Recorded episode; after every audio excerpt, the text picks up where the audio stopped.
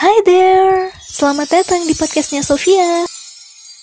Hai, gimana kalian kabarnya hari ini? Semoga masih dalam suasana yang positif ya, selalu bahagia dan diliputi hal-hal yang menyenangkan. Hari ini ada seseorang yang bercerita sama aku tentang perubahan dirinya yang ibaratnya kalau kita gambarkan ke dalam suatu kalimat tuh jadinya aku yang dulu bukanlah yang sekarang. Iyalah, kayak judul lagu ya. Kayak ada lagu yang pernah dulu viral tuh. Jadi dia tuh mau sharing ya tentang bagaimana dunia yang berbeda bisa mengubah dirinya. Sebenarnya dunia seperti apa sih yang udah mengubah dirinya? Ya, kalau teman-teman penasaran kita dengerin aja ya curhatannya dari awal sampai selesai. I tell you some things, just tell me. Gimana kabarnya? Sehat, kamu gimana? Sehat, alhamdulillah. Abis lulus kamu sempat ngajar di Tanjung Sari ya? Kan, setahu aku ya. Iya, di situ lama di situ mah. Setahunan ada. Ada. Kerja di Tanjung Sari, gimana ceritanya? Kamu tahu nggak sih yang gitu itu nawarin di grup angkatan? Nawarin apa? yang mau ngajar bahasa Inggris nggak SMP? Ingat? Oh, iya kayaknya pernah baca tapi ya nggak terlalu inget sih. Iya iya ya. Oh, Iya, terus kamu salah satu yang daftar. iya. Sebenarnya ada tahu beberapa yang daftar, Apa? tapi aku Oh. diterima. Iya. Nah, yang qualified berarti kamu di antara yang lain. Eh, aku nggak tahu sih kalau qualified-nya kan yang tahu kepala sekolah. Iya sih. Ya tapi berarti kamu diterima berarti kamu yang one of the best dari yang lain kan? Amin. Iya. Anak kelas berapa? Kelas 7 Kamu berarti betah dong ngajar di situ lama. bukan betah sih karena butuh aja.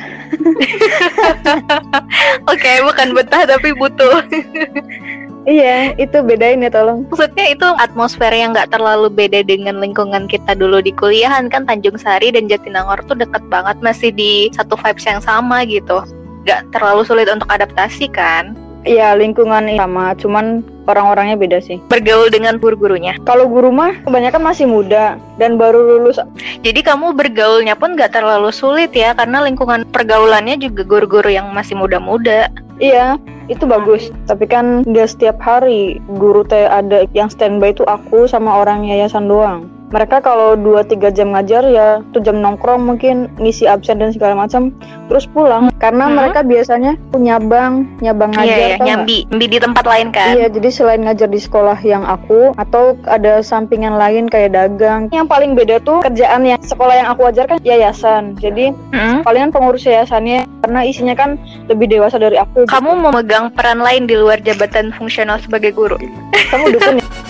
Cenayang ya aku. ya aku ada. Jadi naonnya? Aku megang Mhm. absen, jadi tukang nyatet gitu. Kalau ada siswa ngomong kotor aku nyatet. Alasan naik guru Terus BK ya. kalau ada mirip, Terus kalau ada siswa yang buang sampah, aku nyatet. Siapa yang buang sampah sembarangan. Aku menyambut siswa saat pagi hari setengah tujuh. Oh. Assalamualaikum Oh. gitu di depan So gerbang. cute. Iya nggak sih? aku kayak gitu. Cute sih Iya, sebenarnya. tapi nggak kebayang sih karena itu beda dari kamu yang dulu. Iya, aku juga bete awalnya ditugasin kayak gitu. Tapi lama-lama Kenapa enak kamu ya. yang ditugasin? Aku ditugasin karena udah tinggal di situ. Pas sebelum tinggal di situ mah bukan aku. Oh, jadi berarti kamu deket dong sama yayasan. Lumayan. Dibanding guru-guru yang lain, berarti kamu punya akses untuk mungkin bisa lebih belajar mengenai manajemen dari sekolah itu, dari yayasannya. Iya, iya sih bisa dibilang karena guru lain kan jarang di situ. Jadi mereka kalau ada mau ngide apa, pengen butuh apa buat belajar, beberapa dari mereka kan masih sungkan. Palingan lewat aku dulu bisa nggak ya? Kalau aku butuh ini terus bilang ke kepala sekolah, ya sok we kata aku. Jadi perpanjangan tangan ya. Iya kadang. Aku ngurusin absen Nah, juga. itu nah. ngurusin absen tuh gimana? ngurusin absen siswa sama guru sebelum masuk atau setelah masuk guru tuh tanya gitu tadi udah absen belum pak belum berarti absen dulu Buat nanti penggajian. betul siswa juga siapa yang nggak masuk kalau siswa kan kita ada sekretarisnya Ah. di kelas jadi lewat sekretaris setiap bulannya nge-record si absen itu Rekap. Yeah rekap maksudnya Kok aku jadi lupa Oh, ya? berarti kamu banyak perannya ya di sana sebenarnya. ada Apa satu tuh? lagi ya aku jadi operator sekolah Dalam artian operator yang ngapain? bukan jaga warnet ya bukan bukan kayak gitu sistem pendidikan Indonesia itu ada aplikasi. Dapodik semacam database sekolah gitu yang akan terhubung sama kementerian setiap sekolah itu menugaskan satu gurunya atau satu karyawannya untuk menjadi operator sekolah itu aku yang ditunjuk jadi operator sekolah jadi aku tugasnya awal-awal adalah nginstal Mm-mm. dulu kan ke dinas terus ngisi database siswa orang tua guru, yayasan, sekolahnya sendiri gitu dari segi bangunan pakainya besi, beton, naon gitu. Hmm. terus airnya pakai apa listriknya pakai apa jadi ngupdate data terus misalkan setiap enam bulan ini ada kerusakan apa di sekolah gentengnya bocor atau WC-nya rusak operator sekolah itu untuk mencairkan dana bos sebenarnya dana bos itu keluar data yang kita masukkan di sistem Dapodik itu sudah terverifikasi dengan benar gitu tidak ada kesalahan tidak ada error tidak ada yang ketinggalan data oh gitu. makanya mungkin juga disuruh update kondisi sekolahnya segala macam gitu-gitu ya ya siswa hmm. juga banyak sih semua aspek yang ada di sekolah kamu jadi belajar banyak banget ya tentang sekolah itu, tentang side job selain jadi guru yang ngajar juga. Banyak banget yang bisa dipelajari. Lumayan, iya sih pas dipikir-pikir dulu mah tidak terpikirkan hmm. ya aku kan terima-terima aja karena aku karyawan hmm. di situ. Dulu mah di sekolah tuh manggilnya hmm. umu. Umu bisa nggak megang ini? Selagi aku hmm. bisa tapi itu berarti pekerjaan pertama setelah lulus langsung langsung masuk ke situ ya? Sempat nganggur ya? Bukan setelah lulus di skripsian oh, kan. kenapa kamu melamar kan jadi guru di sana? Lagian pelajarannya juga bahasa Inggris. Kamu memang punya background mengajar atau gimana? Dibilang karena butuh. oh, iya. enggak waktu itu eh? gini pas skripsi skripsian aku aku kan cukup mm -hmm. lama ya untuk membahas gliderung sampai ke bab mm -hmm. satu. Aku udah mulai ngerasa jenuh, stres gitu. Aku mikir ngapain ya kegiatan lain selain ngurusin skripsi aku kudu ngapain ya udah mungkin bisa jadi kegiatan lain selain skripsian niatnya mah cuma kegiatan sampingan aja tapi ternyata jadi pekerjaan pas awal masuk di training dulu nggak di briefing dulu Nine itu langsung wow. aja Keren dong. Keren karena iya sih aku masuknya tuh pertengahan sebulan setelah penerimaan siswa hmm. baru tuh. Siswa tuh Juli, uh. aku tuh masuknya Agustus. Tapi kalau training dan segala macamnya bukan dari sekolah sih. Kalau sekolah cuman kayak job desk kamu ini ini ini gitu. Nanti kamu kudu ini ini ini. Nah kalau job desk sebagai guru pendidiknya itu kadang kita tiap dua minggu sekali tuh ada seminar, terus ngasih pembekalan, putusan menteri hmm. yang baru, undang-undang yang baru, terus dirapatin yang kayak gitu tuh. Hmm, bagaimana kamu untuk menghandle kelas, cara kamu mengajarnya gimana, itu diserahkan sama ke kamu. Iya, lebih ke situ. Cuman arahannya kan ada ya, semacam SOP-nya hmm, tuh ada. Iya, iya. Kalau sebelumnya kan mungkin tidak ada ikatan, tidak ada SOP segala macam, ataupun nggak terlalu strict. Nah kalau ini kan bener-bener di dunia formal pendidikan gitu, sekolah. Gimana perbedaannya? Iya, iya dulu mah kan paling ikut-ikutannya kalau kayak volunteer hmm. dari BEM dan kalau dulu pas masih kuliah aku gantiin ibu gitu di madrasah. Tapi itu nggak hmm, tiap hari. hmm. memang yang di Tanjung Sari ini yang lebih formal yang lebih aku yang jadi pendidiknya gitu bukan menggantikan orang lain atau ikut volunteer. Anak-anaknya gimana di sana? Wow sangat rame. Anak SMP aja gimana? Iya kan beda-beda kan tapi di setiap sekolah mah aktif nggak di kelas? Oh sangat.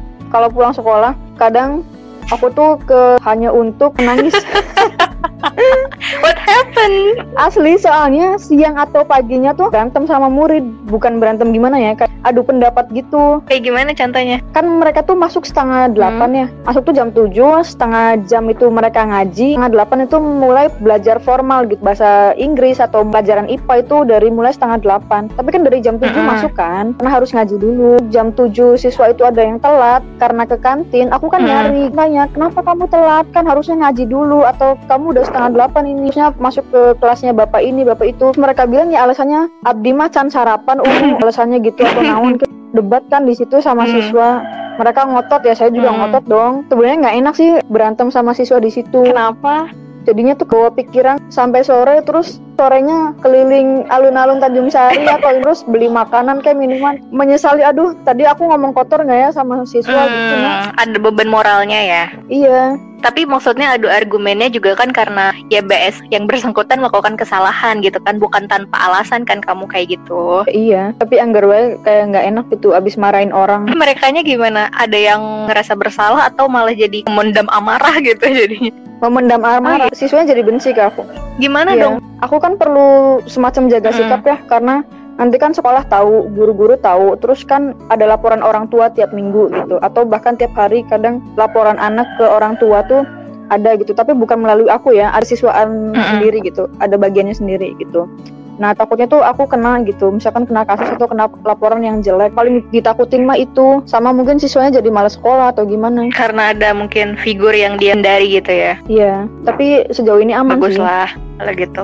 Kendalanya apa selama ngajar di sana? Cukup lama tuh ya waktunya. kadang kalau lagi job desk operator itu banyak aku ngajarnya nggak terlalu full gitu maksudnya hanya nyiapin materi yang seadanya gitu nggak yang materi yang lebih kalau misalkan ada versi baru dari si aplikasinya itu perlu diupdate kan dan perlu diisi dan segala Mm-mm. macam butuh waktu sangat butuh waktu dan tenaga buat ngisi si aplikasi baru itu mulai nggak fokus sama ngajar sama anak-anak. Terus mungkin ditambah lagi kalau harus bimbingan skripsi ke distractnya sama dua hal itu. Tapi setelah dari situ perjalanan kamu ke mana? Kenapa kamu memutuskan resign atau keluar dari situ atau pindah dari situ? karena kan yang ngerekrut kepala Mm-mm. sekolah. Waktu awal masuk tuh eh, kepala sekolah nanya kira-kira mau sampai kapan di sini? Aku bilang kayaknya mau sampai lulus. Aku kan tidak menargetkan lulusnya kapan. Cuman waktu itu ya lulusnya tahun kemarin Mm-mm. kan di tahun kemarin udahan Tapi kan Ya. tetap bisa bilang untuk lanjut walaupun udah lulus. ya Kenapa bisa kamu sih tidak ambil option sebenarnya itu maksudnya? ya ada tawaran Oh, gitu. lain maksudnya tawaran Mm. yang beda Itu di Ya, mana? ngajar Di- bahasa Jerman kursus sekarang di Indramayu Di Indramayu. Jadi kamu home base-nya sekarang di Indramayu. awalnya nih desain banget dari si sekolah yang di Tanjung Sari itu Januari 2020 Mm-mm, awal ya tahun ya.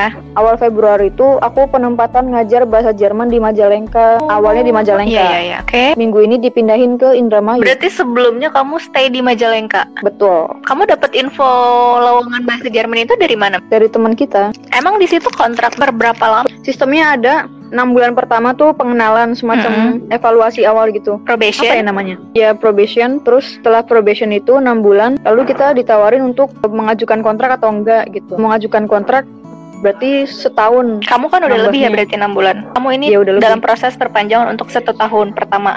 Betul. Ngajar bahasa Jermannya kursus anak SMA. Anak SMA yang sudah lulus. Dalam artian yang mau ke Jerman gitu. Iya. Ausbildung sih mereka bakal Hmm, yang diajarin tuh apa? Maksudnya gramatik, A1, B1 gitu atau gimana? Iya, lebih ke gramatik Hmm, sih. Nggak akan lupa berarti. Lebih impactful sesuai dengan apa yang udah kamu pelajarin terakhir gitu kan? Kalau pelajaran terakhir di kuliah iya sangat nyambung ya dari segi bahasanya. Cuman dari segi kerjaan lompat yang hal yang terakhir baru aku lagi pegang. juga ya. Beda. Karena di sini kamu bener-bener cuma ngajar doang ya. Iya, iya. Sama paling administrasi guru biasa lah. Masuknya tetap tiap hari, Senin sampai Jumat dan atau gitu-gitu. gimana? Iya, 8 lima hari dan 8 jam Sabtu Minggu libur. 85 Jadi kamu kalau Sabtu libur, Sabtu Minggu ngapain di sana? belajar sih. Senin sampai Jumat tuh kadang nggak belajar atau cuman ngulang materi gitu dari yang udah aku siapin pas Sabtu Minggu. Jadi Sabtu Minggu tuh waktunya belajar Masya untuk Allah. menyiapkan materi selama Pinter seminggu terus depan. dong kalau gitu. Belajar mulu. pusing tau nyari materi. Siswa yang aku ajar itu masih tentang materi emang ada materinya gitu ada bukunya. Jadi tinggal ngeliat di buku terus kita mungkin ada improvisasi apa tambahin gitu. Aku ngajar siswa yang semua materi udah pernah mereka dapat gitu. Ya udah udah habis aja Oh, materinya tapi mereka belajar harus apa lagi kelas ya gitu ya. itu yang PR sih Tapi maksud aku seru loh. Kamu nggak akan lepas dari apa yang sudah kamu pelajari dan itu akan terus nempel di otak kamu. Jadi pinter terus. iya dan ternyata dulu aku belajarnya cuman Jadi 60% kamu lebih dari banyak yang aku belajar lagi sekarang gitu. betul dulu aku pelajarin sama dapat tuh cuman cetek gitu Kenapa bisa Ini mah gitu? lebih dibedah lagi gitu banyak mungkin karena Mm-mm. Kalau kuliah kan materi yang diajarkan banyak ya Mm-mm. les yang ini kan mereka seminggu lima hari 4 jam per kelas terus harus ngasih materi yang cara detail iya. gitu satu bahasan harus Hmm, tuntas iya, gitu jadinya lebih Jadi ilmunya kamu ya sambil kamu belajar juga lagi ya, karena banyak yang mau disampaikan gitu harus detail gitu ya. Terus kamu di Majalengka Iya. kenapa pindah ke Indramayu? karena di Indramayu Kenapa kamu yang ada satu kelas yang belum ada gurunya Lebih enjoy yang mana? Ngajar yang sekarang apa ngajar yang waktu dulu di sekolah? dari segi tanggung jawab ke siswa kayaknya nggak nggak beda jauh kalau misalkan yang Iya. pas di SMP kan kita harus ikut Mm-mm. ngurusin akhlak siswa juga ya. Maksudnya pembentukan karakter sih. Mencontohkan nu iya nu iya gitu. Yang sekarang mah berperan ke siswanya tuh lebih ke pemahaman mereka kita harus mantau gitu segimana. Terus pengembangan skill mereka eh, kita kudu ikut gitu. Tapi untuk karakter nggak ikut campur banget gitu. Ada bagiannya sendiri sih. Di segi tanggung jawab pekerjaan mah sama sih. Maksudnya aku kan dulu punya peran dan stasi yang di sini juga sama. Dari segi ritme kerjanya mungkin lebih teratur pas sekarang. Soalnya pas kemarin kan lebih banyak yang lembur karena jadi operator kan Hmm. tidak selalu menjanjikan pulang sore. Karena itu berhubungan dengan aplikasi sinyal. Kalau misalkan kita ngupdate pada saat jam kerja pasti akan lemot dan gagal gitu. Jadi kita harus Hmm. ngupdate-nya tuh subuh tengah malam. Pokoknya nyari-nyari jam sepi weh. Kamu disuruh pilih yang lebih mendingan kalau pekerjaan yang dulu impact sih. Aku jadi kayak lebih ceria gitu sih Cie. karena itu ramah gitu. senyum gitu. Karena kita harus mencontohkan ke siswa harus kayak gitu kan. Lemah lembut ramah senyum dan segala macam. Impactnya di situ terus dari tahu kerjaan aja. Jadi tahu ah orang kerja teh oh iya gitu. Kayak gini. Kalau yang sekarang beda sih ke di tempat yang kontraknya beda. selesai satu tahun kira-kira kamu mau perpanjang atau mau cari lagi yang baru? Ke baru ya. Karena aku udah cukup gitu. aku udah dapat ilmu dari situ lah pengen nyari Tapi apakah kamu uh, hal lain gitu yang belum di bidang tahu. pendidikan dan mengajar gitu atau kamu pengen eksplor yang baru lain gitu bidang yang lain? Ke bidang yang baru. Yang kamu pengen coba tuh apa? ADM sih karena aku suka yang back office. Terbuka ada kan pengen untuk coba gitu tantangan lah. baru atau nanti cobain hal yang baru dan di tempat yang baru. Of course. apa sih yang udah kamu dapat dari dulu lingkungan perkuliahan sama di lingkungan pekerjaan? Kan beda nih banyak banget hal yang baru yang kamu temuin. Apa yang bisa kamu jadiin pelajaran baru nih di hidup kamu di dunia pekerjaan yang udah kamu jalani? Kalau di pekerjaannya aku tahu spektrumnya kan bukan cuma sama aku ya kalau di pekerjaan yang dulu ada sama dinas sama orang tua sama pihak luar teman-teman kerja dan yayasan. Aku tidak hmm. memikirkan diri sendiri tapi apa yang aku kerjakan gitu. Sama mungkin apa yang bisa aku berikan ke orang lain maksudnya di pekerjaan itu. Apa yang bisa mendukung pekerjaan orang lain terus aku bisa bantu apa kerjaan yang sekarang. Aku tidak mengekspektasikan apa-apa sih karena suka beda gitu hasilnya. Aku mengajarkan materi gramatik yang ini. Ekspektasinya siswa tuh akan paham segini. Ternyata pas di kelas siswa tangkapnya lama entah karena mereka capek atau gimana atau akunya ya kurang bisa menjelaskan. Aku nggak bisa ekspektasi sesuatu kalau dari kerjaan mah. Ikutin flow edan. Bukan menyerah ya tapi ya udah apa yang dikerjakan hari ini hari ini gitu. Masalah yang hari ini bukan untuk besok tapi ya selesain aja hari ini. Kalau misalkan aku punya kesalahan gitu. kayak yang salah ngejelasin materi atau salah sama teman kerja bersinggungan sama teman kerja. Jadi aku lebih ke nata diri gitu. Kalau dulu aku kuliah jutek atau kurang bersosialisasi atau terlihat tidak menyenangkan bersama orang lain pas di pekerjaan ini dimulai dari yang di SMP itu aku lebih pengen tampil sebagai orang yang menyenangkan untuk diajak ngomong gitu. Karena pasti akan sulit sih di akunya juga karena pertama aku harus fake dulu berpura-pura untuk ramah ke orang lain atau berpura-pura untuk nyaman bersama orang lain. Padahal aku masih canggung masih kaku masih belum tahu kudu ngomong apa. Tapi aku harus acting untuk oke okay, bu aku nyaman dengan keadaan sekarang. Tapi ternyata itu sangat membantu loh. Maksudnya hasilnya kalau misalkan kita mencoba untuk menjadi palsu dulu tidak selalu buruk itu malah bagus loh aku jadi tahu itu untungnya aku yeah, tidak yeah, yeah, yeah. selamanya ya yeah. karena kan menjadi palsu itu yeah, hanya yeah. sebuah cara kan tahu, yeah, bukan yeah, yeah, untuk menjadi palsu kamu pun sendiri. jadinya akhirnya memaksa diri kamu untuk ya udah keluar dari zona nyaman kamu dan menciptakan suasana baru beradaptasi dengan suasana baru yang mau nggak mau kamu harus bisa handle itu gitu kan ya iya terus sebenarnya yang PR banget pokoknya kalau dari segi tugas ya entah itu tuh peran aku yang dulu di SMP sama yang sekarang itu kan ada job desknya dan keterangannya gitu. Aku tinggal mengerjakan. Yang paling sulit adalah aku harus komunikatif gitu. Aku belajar untuk basa-basi ke orang terus banyak ngomong terus bercanda terus bikin suasana cair dan segala macam. Itu yang sangat PR kamu tahu kan aku orangnya yes. kayaknya tidak akan seperti itu gitu atau sulit untuk menjadi seperti itu. Nah itu pas di SMP itu PR banget. PR banget. Mm -hmm. itu kayak apa sih kayak neken aku banget gitu ayo kamu kudu banyak ngomong karena mm -hmm. kamu berhubungan dengan siswa terus basa-basi sama orang tua basa-basi sama siapa kayak teman kerja di luar sekolah gitu itu sih itu yang sangat PR sebenarnya makanya sering yang tadi yang jadi kamu lelah dengan kehidupan itu ya iya maksudnya itu itu ya aku ngerasa kok aku udah berusaha nih mm -hmm. untuk menjadi orang yang friendly tapi hasilnya gini-gini baik mm. aku kan mikirin gitu kan dulu tapi sekarang ada hasilnya loh sekarang ngajar hmm. yang sekarang aku jadi lebih bisa basa-basi ke ya? anak iya sih kan aku dia mengharapkan aku ngobrol atau basa-basi sama siswa aku yang dulu pas SMP tapi ternyata hmm itu tidak terjadi karena waktu itu mungkin aku masih proses ya dan aku masih mencari cara gitu gimana ngobrolnya. Sekarang hasilnya Biarin aku waktu aja yang berbicara ya. Sekarang. Iya ya itu yang makanya aku tidak bisa menargetkan sesuatu. Pokoknya aku berproses di tahap that's ini dan the, harus mendapatkan hasil Karena di tahap ini juga. kamu tidak bisa mengontrol Betul. semuanya. Yang yang perlu kamu lakukan ya cukup berusaha dan kamu mau untuk berprogres gitu ya nggak sih? Betul.